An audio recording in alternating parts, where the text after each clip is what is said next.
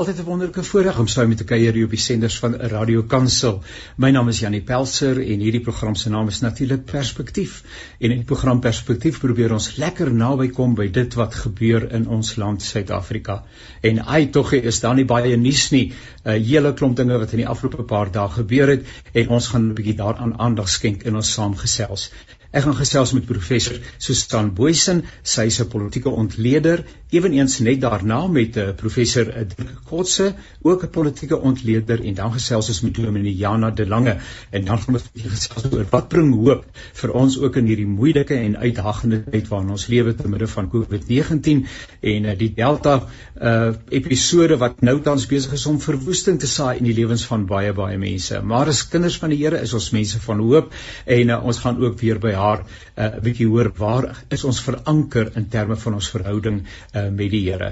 Thank you so much for being part and parcel of this program. My name is Janie Pelser and uh, this program's name is Perspective. We try to get as close as possibly as we can possibly get to what is happening in South Africa and there's so much that is newsworthy. It's always such a wonderful privilege to spend this time with you. So welcome do stay tuned and uh, remember that afterwards uh, this program will be available on uh, Radio Pulpit's website as a, a podcast www.radiopulpit.co.za. Nou ja, dis my baie groot voorreg om te gesels met uh, professor Susan Boysen en uh, professor Susan is 'n politieke ontleder en ook 'n skrywer en haar jongste werk is Precarious Power compliance and discontent under Ramaphosa's ANC. Uh professor uh Susan, baie baie welkom. Ek vertrou dit gaan met u baie goed. Goeiemôre Janie. Ja, geen geen tekort aan opwinding nie. Ja inderdaad dit is net so nê. Nee. Nou ek dink die ding wat waarskynlik voorop in die gedagtes van ons luisteraars leef uh, is die hofuitspraak van gister rondom meneer uh, Jacob Zuma. Geef vir ons 'n bietjie perspektief wat hierdie saak betref. Ja, jy weet dit was so dit was 'n voorsmaakie, 'n voorspel gewees tot die groot sake wat nog kom wat ons hooplik ook uitsluiting oor sal kry. Maar hierdie een was bloot, eh, maar dit was ook baie groot, maar dit was slegs die grondwetlike hof se konstitusionele hof se uitspraak gewees oor sy minagting van 'n vorige instruksie dat hy by nie net by die sondekommissie van ondersoek moet verskyn nie, maar ook met hulle moet saamwerk. En ons weet van die afgelope maand of twee wat daar gebeur het dat hy net dit geïgnoreer het, nie gegaan het nie en dat die kommissie toe die saak na die na die konstitusionele hof toe geneem het. En hierdie was die uitspraak gewees. Dit was 'n uiters belangrike uitspraak gewees met groot implikasies vir ons land sake en vir die politiek hier want dit bevestig weer eens dat Suid-Afrika 'n konstitusionele staat is. Die konstitusie, ja die grondwet van 1996, dit is die oppergesag en die en hierdie saak het dan ook gewys dat daar dat die oppergesag van die reg geld in Suid-Afrika en baie beslis ook dat almal ook voormalige presidente gelyk is voor die reg en dat daar daar die maatstappe is volgens ons staat en regering ook bestuur word. So dit was uiters belangrik geweest om daardie bevestigings te kry van die konstitusionele hof af, veral omdat Jacob Zuma, voormalige president, so uh, baie kat en muis spel gespeel het net of hy gaan verskyn of hy nie ek gaan nie gaan nie of hy gaan gehoor gee of nie en dit is baie belangrik dat dit wel bevestig het dat dit is waar hierdie speletjie eindig. Want die hof het in sy uitspraak en daar het 'n waarnemende hoofregter Sisi Gampepe sy baie baie kan ek sê dapper wel verantwoord verantwoorde in al die regsbeginsels en voormalige regs gedinge in Suid-Afrika 'n baie baie knap uitspraak gelewer het maar wat sy gesê het gerad op gewys het dat hy mense aangemoedig het dat sy gedrag baie meer mense sou kon aanmoedig ook om daardie om die hof se gesag te ondermyn, te delegitimeer en net eenvoudig sy eie reëls te maak. So dit was 'n uiters belangrike uitspraak geweest. Uh meneer Zondo, ehm um, trouens meneer Zuma, ehm um, uh, uh, moes kennis neem van die uitspraak gister uit die aard van die saak en soos hy reeds gesê het, die adjunk regter, hoofregter, uh, het in geen ehm um, geen het geen woorde gespaar om haar misnoë met sy gedrag uit te spreek nie, veral uh, vanuit die vertrekpunt dat hy 'n voormalige staatshoof is en dat hy steeds nog 'n uh, betekenisvolle invloed in die Suid-Afrikaanse samelewing het en op hierdie wyse eintlik 'n narratief kon vestig uh, dat 'n mens nie hoef te steur aan die howe nie. Dink jy uh, nou mense sal nou nie weet wat in sy hart lewe nie, maar mense tog die gevoel gehad dat meneer Zuma gedink het dat hy ad infinitum die howe en ook die gesag en die smeer ook die geduld uh, van die Suid-Afrikaanse samelewing, uh, politici, mede-politici en die smeer dat hy maar ad infinitum doodgewoon vir hulle sou kon uitdaag en uh, dat hy nooit uit mos daarop aanspraak gemaak dat hy sy dag in die hof sal hê, maar dat hy dit nie regtig verwag het nie. Ja nee, nee, hierdie hierdie dag, die of die dag in die hof, die dag in die tronk sou hoog gaan, het ek beslis nie verwag nie. En jy weet my heeltyd regtig sy eie spel gespeel. En hy probeer homself voordoen en dit gaan seker nog baie sterk aandag kry in die volgende paar weke, veral as hy waarskynlik daar agter tralies gaan sit, dat hy die martelaar is, dat hy verontreg is dat oudregter Zondo of nou hoofregter hoor jammer waar adjunk hoofregter Zondo voorsitter van die Zondo kommissie dat hy uh, vendetta het teen hom dat hulle eintlik vriende is en dat hy nie hierdie rol moes hê om hom te beslis in of aan te voer in in die kommissie nie. En dit alles word gesê en daar word ook gesê baie beslis dat hy binne die ANC uitgesonder word verontreg word en dat daar vendetta teen hom gevoer word. Maar daardie hele narratief is baie beslis nie gekoop deur die deur die konstitusionele hof nie. Daardie uitspraak het baie duidelik gemaak dat hulle kennis neem van hoe voormalige president Zuma aangaan op spesiale media byvoorbeeld en hoe sy handlangers daarop aanspraak maak dat hy verontreg word en dat daar die vendetta teen hom gevoer word. Dit alles is van kennis geneem, maar dit is uitgemaak vir wat dit is en dit is 'n 'n poging om hierdie is my woorde, 'n poging om aandag af te lei van die hoofsaak van aandag. Nou uh, sy seun onder andere gebruik sterk woorde wanneer hy sê dat hy bereid is om te sterf en dat hy eerder sal sterf as toe, om toe te sien uh, dat sy pa in die gevangenis land. Uh, ook meneer Karel Neus het sy misnoë uitgespreek, waarskynlik die veterane vereniging van Suid-Afrika uh, en hierdie mense dink jy dat uh, want in die volgende dag of 3 moet meneer Zuma nou by 'n uh, plaaslike seker in Kantla alternatief in Johannesburg by 'n polisiestasie aanmeld sodat hy dan nou uh, geproseseer kan word word bewyse van spreuke en sy plekkie kan vind uh, in die gevangenis. Uh, uh, dink jy dat daar gaan iets kom van die dreigemente uh, wat tans geopper word? Is dit 'n ding waar ons ernstig uh, moet dink en waarvoor daar 'n uh, begroot moet word dat dit 'n uh, moontlikheid is of is dit nou maar sommer net 'n bietjie 'n uh, bietjie wind na die storm? Ja, ja, dit is so moeilik om uit te maak presies hoeveel ehm um, krag daar in hierdie wind is, maar is beslis wind. Ons het ons het soveel kere gesien dat vrou Kalnias kom met dreigemente en sy dreigemente was nog sterker as meer Zuma se seun gewees. Meer Zuma se seun was geen gepraat in die konteks van um, COVID en dat hulle ten spyte van al die beperkings bymekaar gaan kom as hulle daar moet doodgaan, sal hulle doodgaan.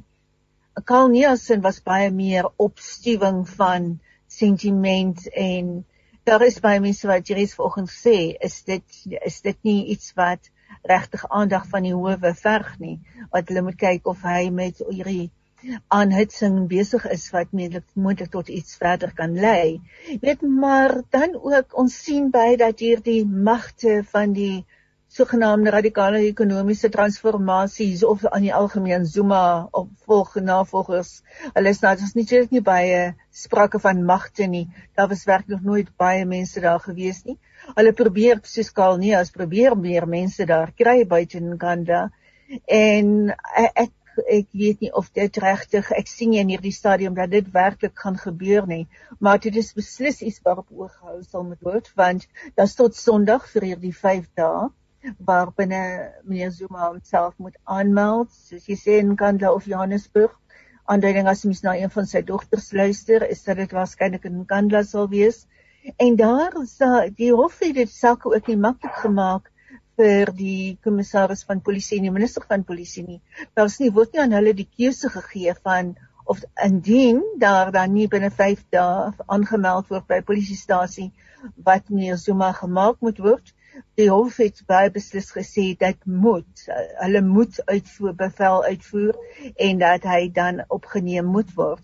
So, mens hoop werklik dit dit word kom nie meer op 'n konfrontasie by die poorte van Kanda of die hekke van Kanda nie. Dat mense die sal insien dat hier die werklik 'n beslissende bevel is van die hof en dat meer so mag geen keuse het as om daarby te belê nie. Ehm um, ons weet wel dat hy hy hy gaan nie hy gaan nie net stil bly nie en sy navolgers gaan nie net stil bly wanneer hy wel in die tronk sit nie. Ek neem aan hy gaan daar sit want en dit sal dan ook gebruik word om hom om hom te die profiel te gee van 'n uh, groot martelaar wat te nagekom is en wil veg vir die reg van die mense. Al daardie gewone aansprake wat van sy kant af kom. Hulle gaan beslis dat die tyd van die tronk baie goed gebruik om dit nog steeds verder te bevat. Sou mens kon sê dat hierdie 'n waterskeidingsoomblik ehm um, daar stel in terme van uh die toekoms van Suid-Afrika. Vir so lank uh, het Jan en Anne Alleman toe gekyk en uh het eintlik maar uh was baie baie skepties dat die reg ooit sy loop sal neem en dat iemand iewers langs die pad uh vir sy wandade uh inderdaad gaan gaan boet. Nou ons weet hierdie het nou nog nie eers te doen met staatskaping en die wapenskandaal en ander sake wat nog verhoor moet word nie, maar feit van die saak is mense tog die gevoel uh dalk is daar tog wel iets aan die gebeur. Nie dat jy jouself verlekker enige iemand se swaar kry nie. Inteendeel absoluut inteendeel. En tog ek lees iewers ehm um, dat uh, tydens meneer Zuma se 10 jaar bykans 10 jaar as staatspresident van Suid-Afrika uh, daar bereken word dat ongeveer 1 triljoen rand uh verlore geraak het. Nou dis 1 met 18 nulle Nou as 'n mens dink aan daai hoeveelheid geld kon dit daarom die armes en die armstes in ons samelewing dit eh, daarom op 'n ander traject geplaas het. Nou goed, die vraag dis met ander woorde is is ons hier by 'n waterskeidingsoomblik en kan ons hier 'n draaipunt verwag? Dinge gaan van hier af betekenisvol verander vir elke ou wat homself besig hou met eh, dinge wat onregmatig is.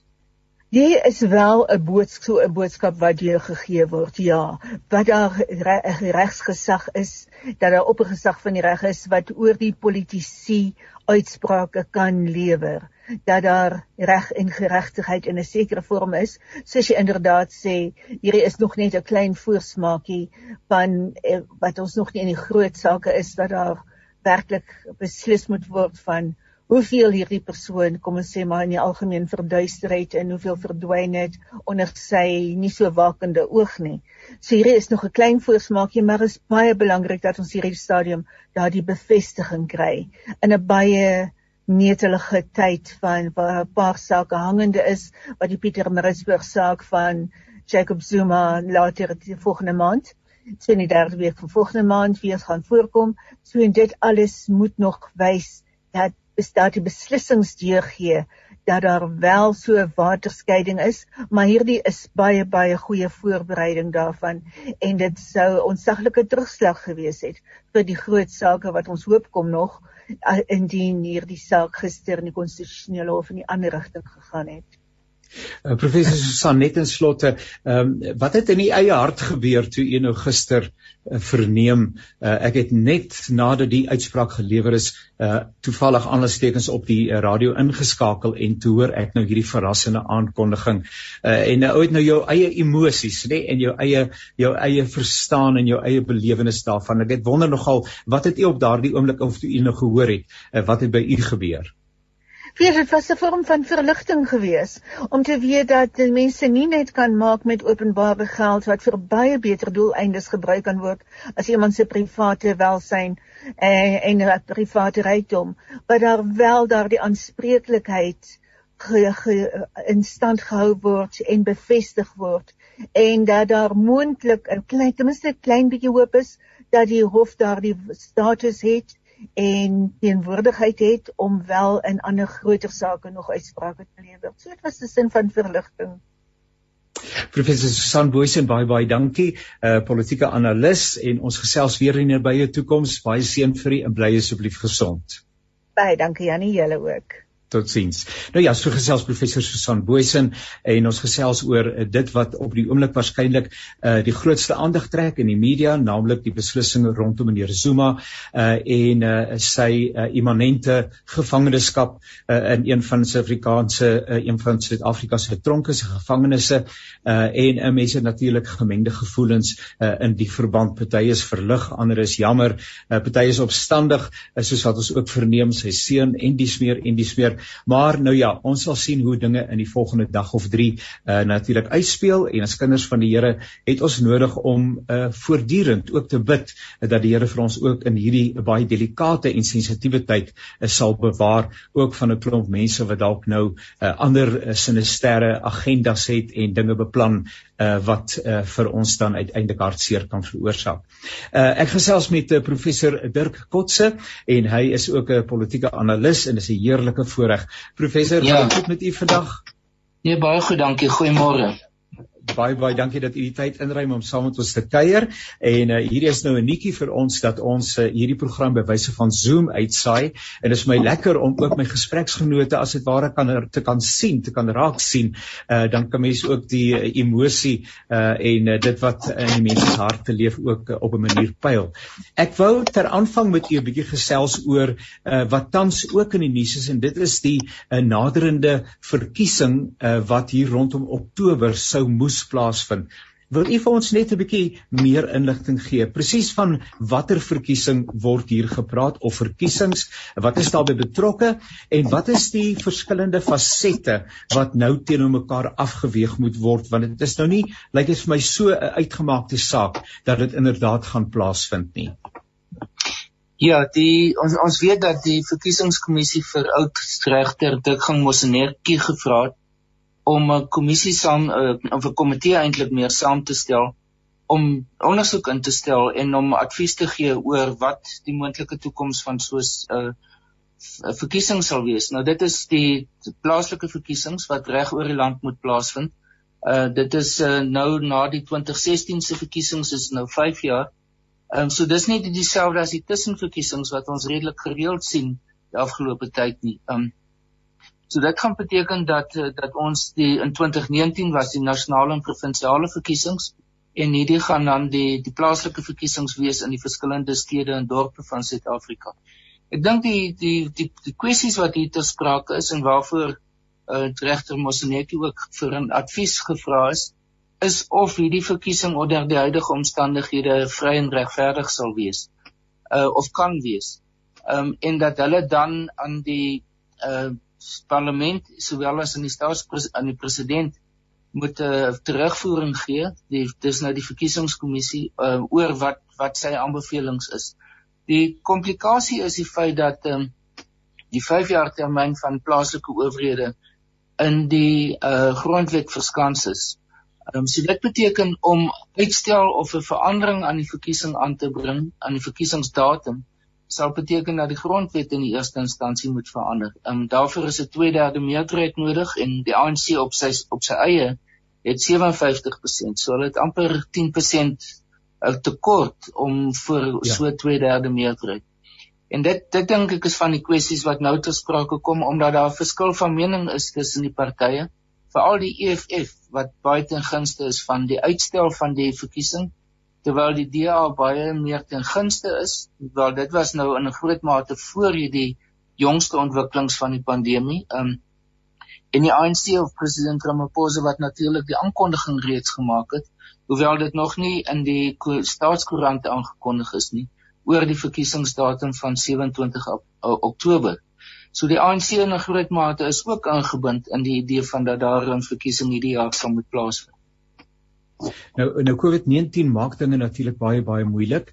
Uh veral dan nou uh, waar ons op die oomblik hierdie golf sogenaamde golf beleef uh met die infeksies en mense wat hospitaliseer moet word en die geweldige druk wat daar op gesondheidsdienste is uh om by almal te kan uitkom en die smeer en die smeer. Uh ek ek lees maar net dat uh, dat een uh saak wat deeglik oorweeg moet word is uh of politieke partye uh die geleentheid sal hê om behoorlik voor die tyd voorberand te te maak. Uh want dit is tog nou tradisioneel deel van so 'n hele uh verkiesings uh, uh inisiatief dat die verskillende politieke partye plakate langs die pad opsit dat hulle vergaderings en byeenkomste hou waar hulle hulle bepaalde oortuigings uh, met uh kiesers deel en probeer om stemme te win. Uh en met COVID-19 sal dit waarskynlik baie baie moeilik wees uh om uh wat daardie goeders is dan nou daai superverspreidingspunte nie waar nie. Ja, dit dit is die geval. Ek ek dink wat wat 'n mens miskien hier moet sê is is dat die die ou die konvensionele manier van verkiesingsveld of verkiesingsveldtogte voer, dit sal definitief moeiliker wees. Maar ons leef in 'n uh, omstandighede wat daar baie veranderings aan uh, besig is om plaas te vind. Men kyk hoe ons vanoggend besig is om uit te saai. Ehm um, en dit beteken dat politieke partye is veronderstel om dieselfde tipe van aanpassings te maak. Ehm um, en ek dink wat die die die kwessie wat op die oomblik te sprake is is dat die partye verwys na die ou manier van verkiesingsveld op te voer. Ja. En ja. nie dink nie aan die nuwe maniere wat moontlik is nie. En ek dink dis vir my dis my persoonlike kritiek teen politieke partye is ehm um, dat hulle eintlik 'n bietjie status quo georiënteerd is en na hierdie saak kyk in terme van hulle ou manier van doen en nie noodwendig die nuwe maniere wat daar bestaan nie. Uh, dieselfde geld byvoorbeeld vir die die die feit dat hulle baie klaar dat hulle nou baie minder geld gaan kry as gevolg van die wetgewing wat van toepassing is op die finansiering van politieke partye. Ehm um, en wat beteken dat baie openbare uh, openbare donateurs of privaat donateurs uh, nie meer vir hulle noodwendig geld gaan gee nie. Maar daar's baie ander nuwe maniere wat dit gedoen kan word. Ehm um, byvoorbeeld die wetgewing sê alle don donasies tot en met 100 000 rand hoef nie bekend gemaak te word nie. So daar's uiters groot geleentheid vir politieke partye om daardie geleentheid te gebruik, maar op die oomblik sien hulle dit nog nie raak nie. En ek dink dit is dis die tipe van 'n uh, kopskuif, die verandering, die paradigma skuif wat politieke partye sal moet maak om want in baie lande in die wêreld het omtrent uh, die helfte van die lande in die wêreld wat nou verkiesings moes gehad het die afgelope 2 jaar of jaar en 'n half het wel hulle verkiesings gehou. Um ons het uh omtrent oor die 200 tussenverkiesings die afgelope 6 maande gehou. So ja. dis nie asof dit jou totale al onmoontlik is nie. Um en ek dink dit is moet alles in ag geneem word by hierdie besluit. Wat sou u persoonlike aanbeveling wees sou u nou die geleentheid hê om inspraak te lewer in so 'n kommissie waar 'n besluit gemaak moet word? Sou u sê dat die verkiesings moet voortgaan? Ek sien in vanoggend se se in media, ehm um, ja die koerant het dit deurgeblaai het. Uh, die probleem is sou dit wel uh, uitgestel word, dan skep jy eintlik 'n presedent, uh, want dan kan dit maar net sowel weer 'n keer uitgestel word uh, en en en dit dit het bepaalde komplikasies. Uh, wat sou u eie aanbeveling wees? Ja, ek sou as gevolg van die punte wat jy nou genoem het, sou ek en ander oorwegings ook sou ek uh, meer ten gunste wees daarvan dat dit voortgaan. Ehm um, ek onthou die die verkiesing self is aan einde Oktober. Dit is nog hoeveel maande van nou af. So daar kan nog baie gebeur. Ons is ten minste in Gauteng besig om na die toppunt te beweeg van die derde golf. Teen Oktober hopelik is die situasie al heelwat beter. So dit gaan nie noodwendig oor die dag van die stemming self nie. Ek dink dit is dis minder gekompliseer. Uh, wat meer die komplikasie is is die hele periode wat aanloop na die verkiesing toe. Ehm um, en wat die verkiesingsveldtog gevoer moet word en wat soos ek vroeër gesê het wat politieke partye argumenteer dat hulle nie meer dieselfde geleenthede sal hê nie. Soos byvoorbeeld die huidige vlak 4 maak dit heeltemal onmoontlik om politieke byeenkomste te hê. Ehm um, so dit dit is definitief maar gee wat die punt wat ek vroeër gemaak het dat eh uh, dat politieke partye nou nie moet dink oor hoe hulle moet 'n uh, eh, veldtog te voer. Dink ek is die teenargument vir eh uh, vir die die om te sê wel on, ons dis onmoontlik om 'n vrye en regverdige verkiesing te hê. 'n politieke partye is sommer net 'n laaste gedagte of twee. Ehm um, het net maar natuurlik die manier om ehm um, opportunisties na gebeure te kyk en te kyk hoe dit hulle punte kan aanteken wat hulle eie posisie kan versterk. Nou uh ons het in die vorige gesprek met professor uh Susan Boysen uh, gesels uh, en verwys na die feit dat meneer Zuma nou tronkstraf opgelê is dat hy moet aanmeld alles wat daarmee gepaard gaan. Ek wonder of daar een Suid-Afrikaner is wat nie bewus is uh, van hierdie gebeure van die afgelope dag uh, of wat nie. Ehm um, vir wie sou hierdie spesifieke gebeure wat beteken? Is daar politieke partye wat hieruit munt kan slaan? plaas dit sekere in sekeres in 'n beter posisie. Ehm um, as 'n mens nou net probeer dink hoe sou en wie sou dit nou wou toeëien as as 'n winspunt? Ek dink is natuurlik in die eerste instansie gaan dit oor die ANC. Ehm um, en ek dink die grootste impak wat dit gaan hê, gaan binne die ANC wees. Uh die meeste ander politieke partye het die uitspraak van gister verwelkom. Ehm um, dit sluit die DA ehm um, en die UDM en verskillende groeperings in. Ek het nog nie vreeslik baie gesien van die EFF nie. Ek dink ja. dis 'n bietjie van 'n kopseer vir hulle want hulle het hulle self begin meer en meer assosieer onlangs of gaan kuier by Kant en Kantla. Uh, ja. Maar so so in daardie opsig dink ek is dit het dit minder van 'n partytetiese uh, uh vraagstuk geword en is dit meer 'n nasionale uh, vraagstuk of 'n nasionale gebeurtenis wat plaasgevind het. In die geval van die ANC natuurlik is daar teenstand in dit binne die ANC. Ehm um, en wat tussen wat ek sou sê rondom die die naweek gaan plaasvind. Eerstens of president Zuma homself gaan aanmeld om om 'n tronkstraf te begin uitdien en tweedens die vergadering van die nasionale uitvoerende komitee wat die naweek ook gaan plaasvind. Dit sal nogal bepalend wees in wat is die reaksie binne die ANC. Die groot toets gaan wees is om te sien of daar werklik 'n teenreaksie vanaf president Zuma se ondersteuners gaan wees. Ehm um, en dis eintlik 'n baie kritiese toets vir hulle die volgende paar dae want as hulle nie op groot skaal kan mobiliseer nie gaan dit eintlik ook beteken die einde van daardie groepering en nie net nou die uh, uh, president Zuma se situasie nie. Ehm um, en dis eintlik daarom 'n toets vir mense soos uh Ismagosule, Tony Ngeni, uh Kanyas en 'n uh, verskeidenheid van ander mense se politieke toekoms. Ehm um, want as hulle nie hulle hulle stempel kan afdruk nie, ehm um, dan beteken dit die res van die ANC gaan sê wel dis was dis was waarskynlik die begin van die einde vir julle almal. Daar moet nou seker 'n hele klompie mense wees wat uh geïmpliseer word by onder andere staatskaping en ander forme van uh onregmatige uh, besteding en uh, vergrype aan fondse en ensovoorts ensovoorts. Uh daar moet seker nou 'n hele klompie mense wees wat 'n bietjie bekommerd raak in die lig van dit wat die afgelope dag gebeur het. Ja, baie beslis. Ehm um, en ek dink dit is die uitspraak uh, het implikasies vir hulle want wat dit wat dit eintlik beteken, die boodskap is is dat geen persoon kan daarop aanspraak maak dat hulle verskans is teen hierdie tipe van optrede deur howe nie. Ehm um, ja. die howe het gesê almal ons gaan almal op 'n gelyke vlak hanteer. Ehm uh, of dit 'n president of 'n voormalige president of 'n sekretaris-generaal van die ANC of 'n baie gesiene persoon in die samelewing is. Almal is uiteindelik onderworpe aan die gesag van die howe. En dit sal en dit is dis baie slegte nuus vir iemand soos Ysma Kosule. Dis baie slegte nuus vir iemand soos president Zuma vir die ander saak waarby hy betrokke is wat in Pietermaritzburg aangehoor word wat nou die Shabir Sheikh se opvolgsaak is. Um, ja. En dis baie slegte nuus vir selfs die EFF Ek meen daar is baie gerugte van dat hulle betrokke was of uh, uh, van van hulle byvoorbeeld by die WBS bank en ander situasies. So dit dit alles dis is uiteindelik dink ek is baie goed vir die oppergesag van die reg, maar is baie sleg vir persone wat so bietjie op dun ys beweeg. Professor het 'n laaste vraag net weer terug by die verkiesing. Ehm um, uh, mense sou kon sê watter sin het dit om deel te neem uh ook aan hierdie plaaslike verkiesings. Kom ons veronderstel dat dit wel in Oktober plaasvind. Die uitslag is tog reeds bekend.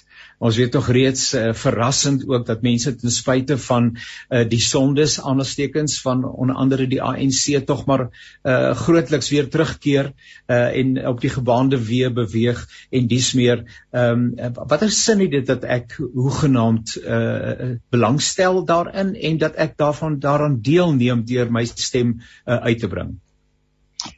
Wel, dit was in die verlede so wat jy gesê het dat dit in 'n sekere sin baie voorspelbaar is. Dit het nou meer onvoorspelbaar geword. As 'n mens byvoorbeeld teruggaan na 2016, ek sit nou hier in Pretoria of Tshwane en ons buurstad is Johannesburg. Albei het die ANC hulle beheerde oor daardie metropolitaanse gebiede verloor. So mense in die Ooskaap is die Nelson Mandela Bay presies dieselfde. So waar dit eintlik neerkom dis is dat daar is verandering besig om plaas te vind en veral op plaaslike owerheidsaangeleenthede. As 'n mens kyk hoeveel uh koalisieregerings daar in die land nou reeds bestaan in verskillende provinsies, omtrent al die provinsies in die land behalwe die noordelike provinsies uh of uh, selfs daar is daar nou koalisies soos in Limpopo minder in Mpumalanga en en in die Vrystaat maar uh, die die meerderheid van provinsies deesdae is dit nie meer so 'n uitgemaakte saak van wie die volgende party gaan wees of groep van partye wat die regering op plaaslike vlak gaan verteenwoordig nie. Uh wat ook interessant is is hoeveel nuwe plaaslike nie nie nooit eers selfs nie nie, maar plaaslike organisasies aan verkiesings deelneem. Veral in die Karoo byvoorbeeld. Um die Karoo Demokrate en die die Independent Civic Organisation of South Africa en vele ander groepe. So dit het nie dieselfde dinamika as byvoorbeeld uh, die politiek in op nasionale of provinsiale vlak nie. En daar is meer moontlikheid vir deelname uh as soos ek sê uh, om en om betrokke te raak van plaaslike organisasies. Um, wat net in daardie omgewing 'n kandidaat het. So dit maak die idee van om direk betrokke te raak by die plaaslike manier van regering, besluitneming oor plaaslike regering kom nader en nader na die bevolking. Wat ek en baie ander mense uh, voorstaan is die idee van aktiewe burgerskap. Dit beteken dat mense by inwonersverenigings, belastingbetalersverenigings, by wijkkomitees en al die tipe van aspekte ter sprake moet kom wat nie noodwendig partypolities is, maar wat 'n groot impak kan maak op plaaslike vlak. Professor Dirk Kotse, baie baie dankie vir u gereelde deelname. Uh, ons het groot waardering daarvoor. Dankie dat u die tyd ingeruim het. Mag 'n baie aangename dag hê en bly asseblief gesond. Baie dankie seermense. Nou ja, so gesels professor Dirk Kotse ewenigs 'n politieke analis en uh, hierdie dinge is sommer baie baie relevant nie waar nie uh, in die lig van die gebeure van die afgelope dag of wat uh, meneer Zuma uh, wat uh, tot tronkstraf gefonnis is 15 maande, 16 maande, hoe lank is dit uh, in die gevangenis sal moet deurbring. Ons sal moet sien of hy gaan aanmeld, ons sal moet sien of daar iets kom van dreigemente en uh, allerlei dinge, emosies wat tans uh, ook uh, op die oppervlak is. Ehm um, maar uh, dit het ook inderdaad vir ons hier in Suid-Afrika 'n uh, baie betekenisvolle draaipunt gebring en uh, mag dit ook so wees dat uh, mense wat betrokke raak by korrupsie en bedrog en nepotisme en geldwasery en watter ander forme van van uh, verneekspil ook al mag wees uh, dat hulle hulle eie posisie sal heroorweeg uh, en uh, dit laat mense 'n bietjie moed skep uh, dat ons tog inderdaad wel uh, miskien nou ons eerste tree gee op 'n wendpad op 'n nuwe toekoms uh, en 'n pad wat vir al die inwoners van Suid-Afrika 'n uh, goeie uh, goeie resultate mag lewer. Uh, dit is altyd lekker om te gesels met mense en uh, ek het nou die voorreg om te gesels met Dominee Jana de Lange. And Jana, I want to welcome you this morning. Are you well, my sister? Ah, Yanni, yes, I'm very well. Thank you. And thank you for having me to join you today. Thank you so much for being part of this program. Ayana, you are with a uh, with a student congregation, not so. Tell us something about your situation and your context. Yes, Yanni, I am with the NG Kerk which is the student congregation of the NG Church in Pretoria. And um, yeah, it's a great privilege to work with the students, but obviously now with COVID, it's very interesting most of the with the lockdown or the higher level of, of uh, lockdown, our students are going home again. It's also exam time for them now. So we don't have a lot of students uh, close to the church in our vicinity because everyone's gone home and keeping safe and isolated. So it's always interesting to experience that where other congregations always have their members around them. Last year, most of our members were uh, spread across the country at homes with their families. So it's diff- you know, we can only work on Zoom as everyone else. Um, so we miss the, the physical contact, but for now it's the safest. So we do what we have to do to keep everyone safe.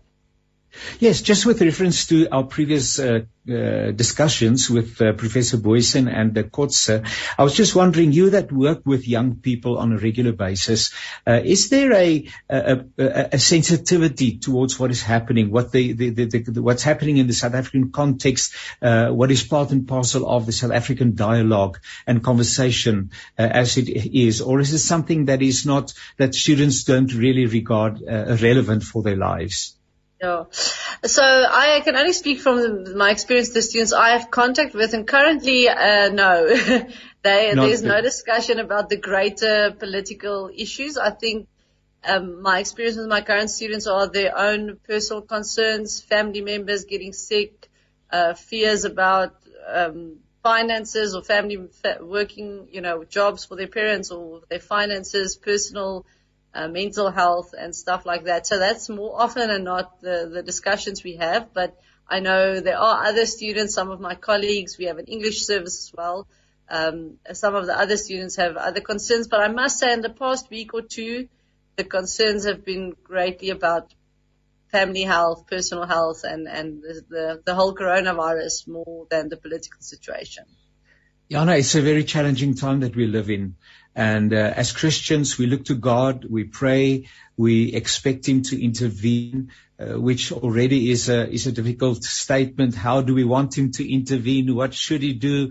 What does He do? Why doesn't He do what we ask Him to do? Because naturally, most of us would just say, "Well, it's quite easy." If God says, "What can I do for you guys?" We say, "Please, Lord, just address this uh, COVID nineteen uh, epidemic." You just speak yeah. a word and all of a sudden it's just uh, it's, it's, it just dries up it just goes goes away and it disappears in thin air uh, nothing is impossible for god and he can still do it but uh, but he doesn't do it We've been with this uh, COVID-19 uh, situation now for more than a year, and uh, it seems as if it's always reappearing, reappearing.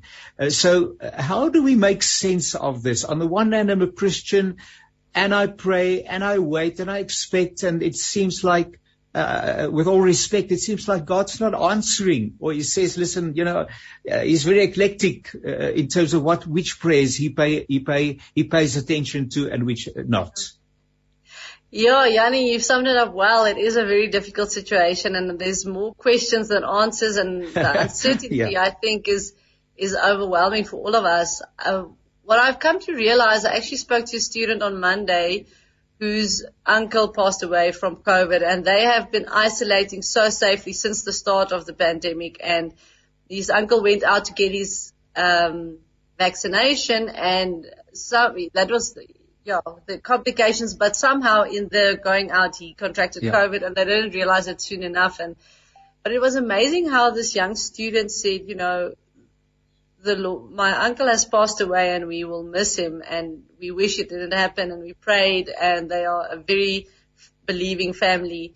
And he said, but, and now some of them also have COVID, but he himself said in the midst of the pain and the loss, there was a lot of grace as well.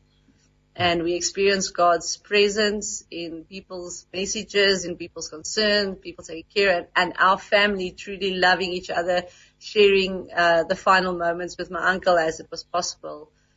And I realize I, I've had so many stories, people we worked with last year in the shelters, the shelters that were set up in the first lockdown five, where COVID had been for some of them a new lease on life for the pandemic. And I know for others this is the most destructive time of loss and pain that they, their family has ever experienced.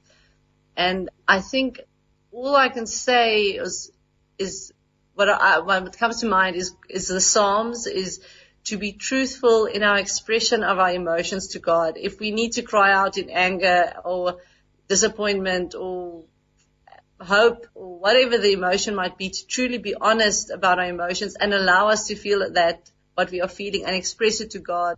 No emotion is wrong. No emotion He can't handle. He can take our anger. He can take our resentment and our fear.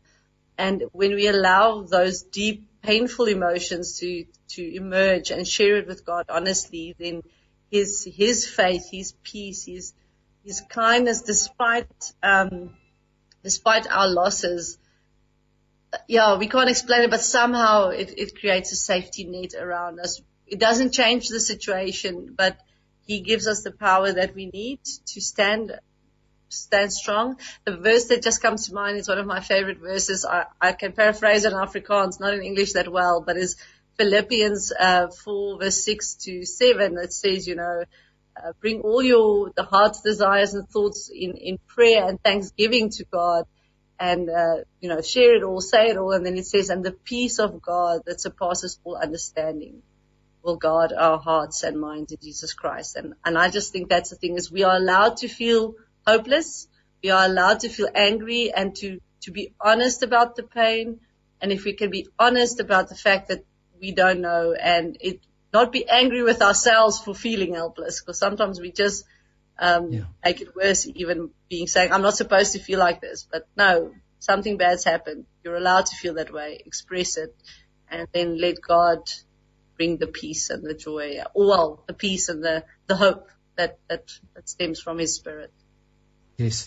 When when covid started uh, it was in march last year um, and, uh, and and it was all new, and it was it, it were very desperate times. It still is, but I mean, that was, it was a new experience. We've never been confronted with anything of this nature, uh, in my, uh, 60, and now I give it away, but my 66 years, I've never experienced anything like this. And for probably for most people, this was a, a, a totally new experience.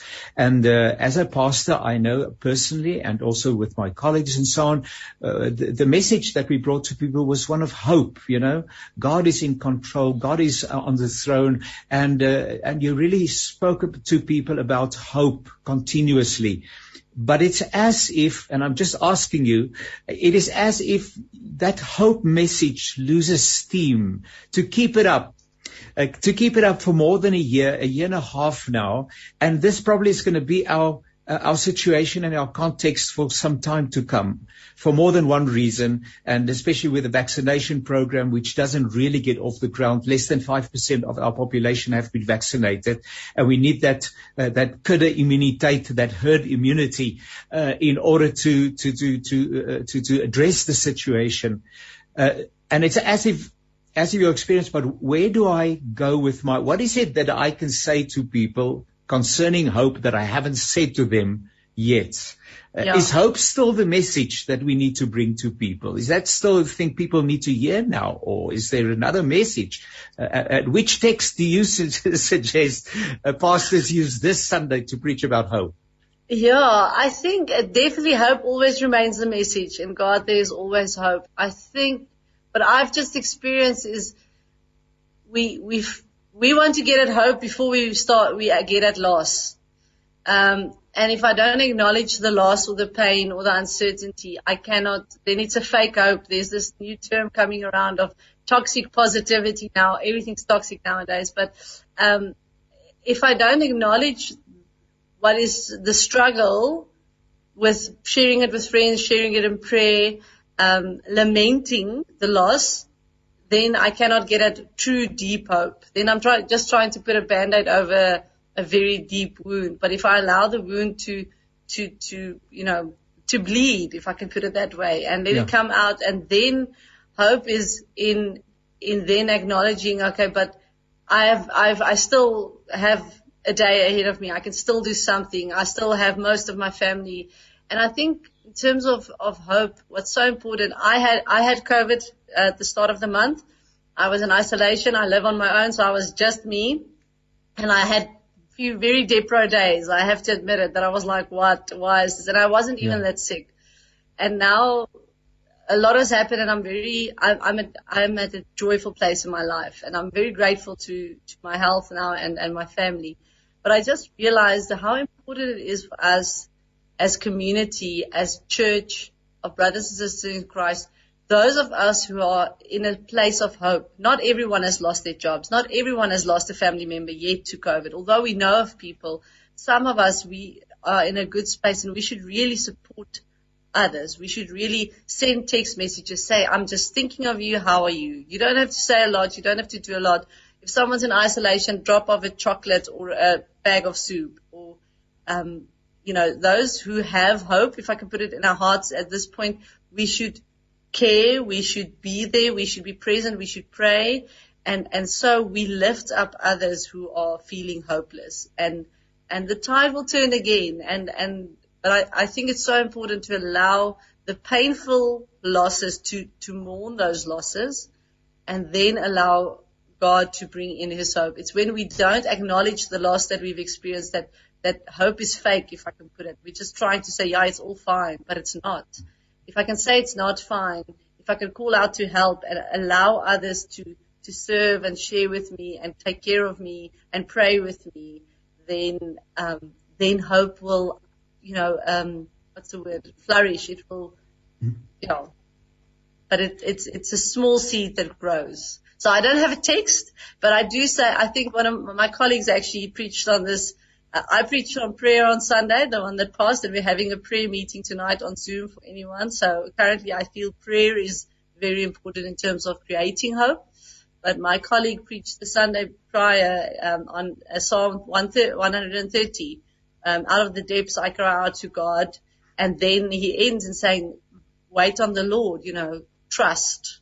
Even though it doesn't look as if anything's happening, you know, just hold on. So maybe maybe that's something. Ja, nou net in slotte ek uh, moes in die afgelope tyd ook 'n paar begrafnisse uh, hanteer ook uh, soms met mense wat COVID verwant gesterf het. Ehm um, en uh, by meer as een geleentheid het ek uh, net weer die tradisionele Psalm 23 gepreek uh, wat nog steeds net uh, soveel gesag dra. Uh en ek het nogal in een van die boodskappe gesê ek wonder uh daar's natuurlik al hierdie goeters wat gebeur nê en ons ons verstaan nie altyd presies wat die Here wil doen nie en ons sê miskien is die Here hiermee besig, miskien is dit wat hy vir ons wil oordra, miskien is dit waarvan hy ons wil bewus maak, maar om die genade te kan vind om te kan sê die Here is my herder. Ek kom niks kort nie. Ehm um, nou dis maklik. Ek is vandag gesond en ek loof en prys die Here vir daardie genade. Vir my om te kan sê die Here is my herder, ek kom niks kort nie. Ehm um, is nie moeilik nie. Vir iemand wat dalk vandag in isolasie is, vir iemand wat dalk gehospitaliseer is, wat dalk op 'n ventilator is, uh wat vrees vir sy lewe, uh mense wat uh geliefdes aan die dood afgestaan het, is dit dalk ietwat moeiliker. Maar aan die einde van die dag is dit nie eintlik die enigste ware sekuriteit wat ons het te midde van 'n wêreld waarvan die wiele op die oomblik 'n bietjie afkom nie. En en dit is meer kosbaarder as enigiets anders. Dat ek kan sê soos die psalmdigter, maar die Here is my herder en ongeag daarvan of alles rondom my ineenstort en wegval, ek kom niks kort nie, want as ek hom het, dan het ek eintlik die belangrikste saak in die lewe. Ja, absoluut Jannie. Ek uh, en mense voel nie altyd so nie. Soos jy sê, wanneer jy besig is om 'n klomp goed of mense te verloor, dan sê jy soos maar ek kom baie kort en en baie keer ek het dit ook gesê Sondag in my diens, baie keer voel dit asof die Here nie genoeg is nie. Ja. Ehm ja. um, maar wanneer ons werklik by hom gaan sit en en werklik sy teenwoordigheid ervaar, besef ons dat te midde van verlies en seer en dood en werksverlies is is hy daar en kan hy hou hy ons vas en gaan hy ons ook daardeur dra. Ek het dis interessant dat jy noem ek het verlede jaar toe ons gehoor het ons gaan in in lockdown en ehm um, toe was my preek daai Sondag het ek toe gekies Psalm 23 en ja. natuurlik 'n gunsteling Psalm, maar dit is so belangrik om daai gedeelte te hoor waar hy sê selfs ek gaan ek deur donker dieptes of deur die dal ja. van doodskade weer ja. sal ek nie vrees nie. Wat wat ook erkenning gee dat daar is 'n dal van doodskade weer wat baie mense beleef en daar is donker dieptes en maar u is by my en en en dit ek dink dit help ons ook om te besef dit dit is net so die lewe is nie eenvoudig en maklik nie. Ehm um, maar dit is nie dit sê nie God het weggeraak nie. God is nog steeds daar. God is nog steeds Toen Janne Doniana De Lange wat so lekker gesels het daar van Universiteitsoort in Pretoria. Uh en ons sê vir jou baie dankie Jana uh, vir die perspektiewe wat jy op die tafel gebring het en mag jy 'n aangename dag hê en bly gesond en liefde en groete vir alle mense daar rondom jou. Baie dankie Janie, waardeer dit en ja, op selfs vir julle ook baie seën en gesondheid. Dankie, totsiens. Nou ja, so gesels Dominiane de Lange en dit is 'n heerlike voorreg om saam met haar te kon kuier. Ons het in hierdie program gesels met 'n professor Susan Boysen en sy het 'n bietjie perspektiewe gedeel rondom dit wat tans baie baie nuusvaardig is, naamlik uh, met die verhoor van meneer Zuma, die skuldigbevinding, die vonnisoplegging en dit wat in die volgende paar dae sal uitspeel. Ehm um, ons het ook gesels met 'n uh, professor Dirk Kotse en hy het 'n bietjie met ons gesels oor die uh beplande verkiesings wat in Oktober moet plaasvind, die 'n uh, plaaslike verkiesings uh waarvan dan natuurlik duisende reg oor Suid-Afrika sal moet plaasvind. Die uitdagings wat daar is uh aan die een kant uh wat COVID-19 betref en dat daardie superverspreidingspunte kan wees waar mense bymekaar is uh om hulle bepaalde politieke uh, agendas op die tafel te bring. Uh maar aan die ander kant ook weer die uh, uitdaging dat sou hierdie verkiesing byvoorbeeld uh, uitgestel word, dat die grondwet ingedrang kom en 'n hele klomp ander dinge. So dit is interessant. Ons sal sien hoe dit in die volgende dae uitspeel. Hier middel Julie het ek dit reg, moet daardie verkiesingskommissie dan ook nou aanduiding gee uh, van uh, watter rigting hierdie dinge gaan loop en dat ons wat alles betref nie moet dink ook met betrekking tot die manier waarop verkiesings dalk uh, in die toekoms gehou sal moet word. En dan Jana de Lange wat met ons gesels het oor hoop en dat die Here steeds op die troon is, dat hy steeds goed is uh, en dat hy vir elkeen van ons sorg dat hy ons name geskrywe het in die boek van die lewe en van die lam en dat ons naam in sy handpalm gegraveer is, nie waar nie. Nou dit was baie baie lekker om so saam jou te kuier. Vir die eerste keer het ons uh, by wyse van Zoom uitgesaai het om dit ons tans ook uh, nie uh, gemaklik by die ateljee kan uitkom nie, maar ons dank die Here dat hy vir ons hierdie uh, geleenthede gee en ook hierdie uh, tegniese uh, bystand vir ons dit gee en vir ons dit moontlik maak. Baie dankie ook aan Woesie wat vir ons die tegniese versorging van hierdie program hanteer het. Dankie vir jou wat ingeskakel was. Bly asseblief gesond pas jouself op en uh, as die Here se wil daarby is dan kuier ons eerskomende Sondag uh, in ons uh, naweek uh, aktueel program 1 uur Sondagmiddag eweneens op die senders van Radio Kansel ook op Kaapse Kansel word dit uitgesaai en uh, so is ons met mekaar op pad die toekoms te gemoed. Seënwense vir jou, bly gesond tot 'n volgende keer. Alles maar alles wat mooi is.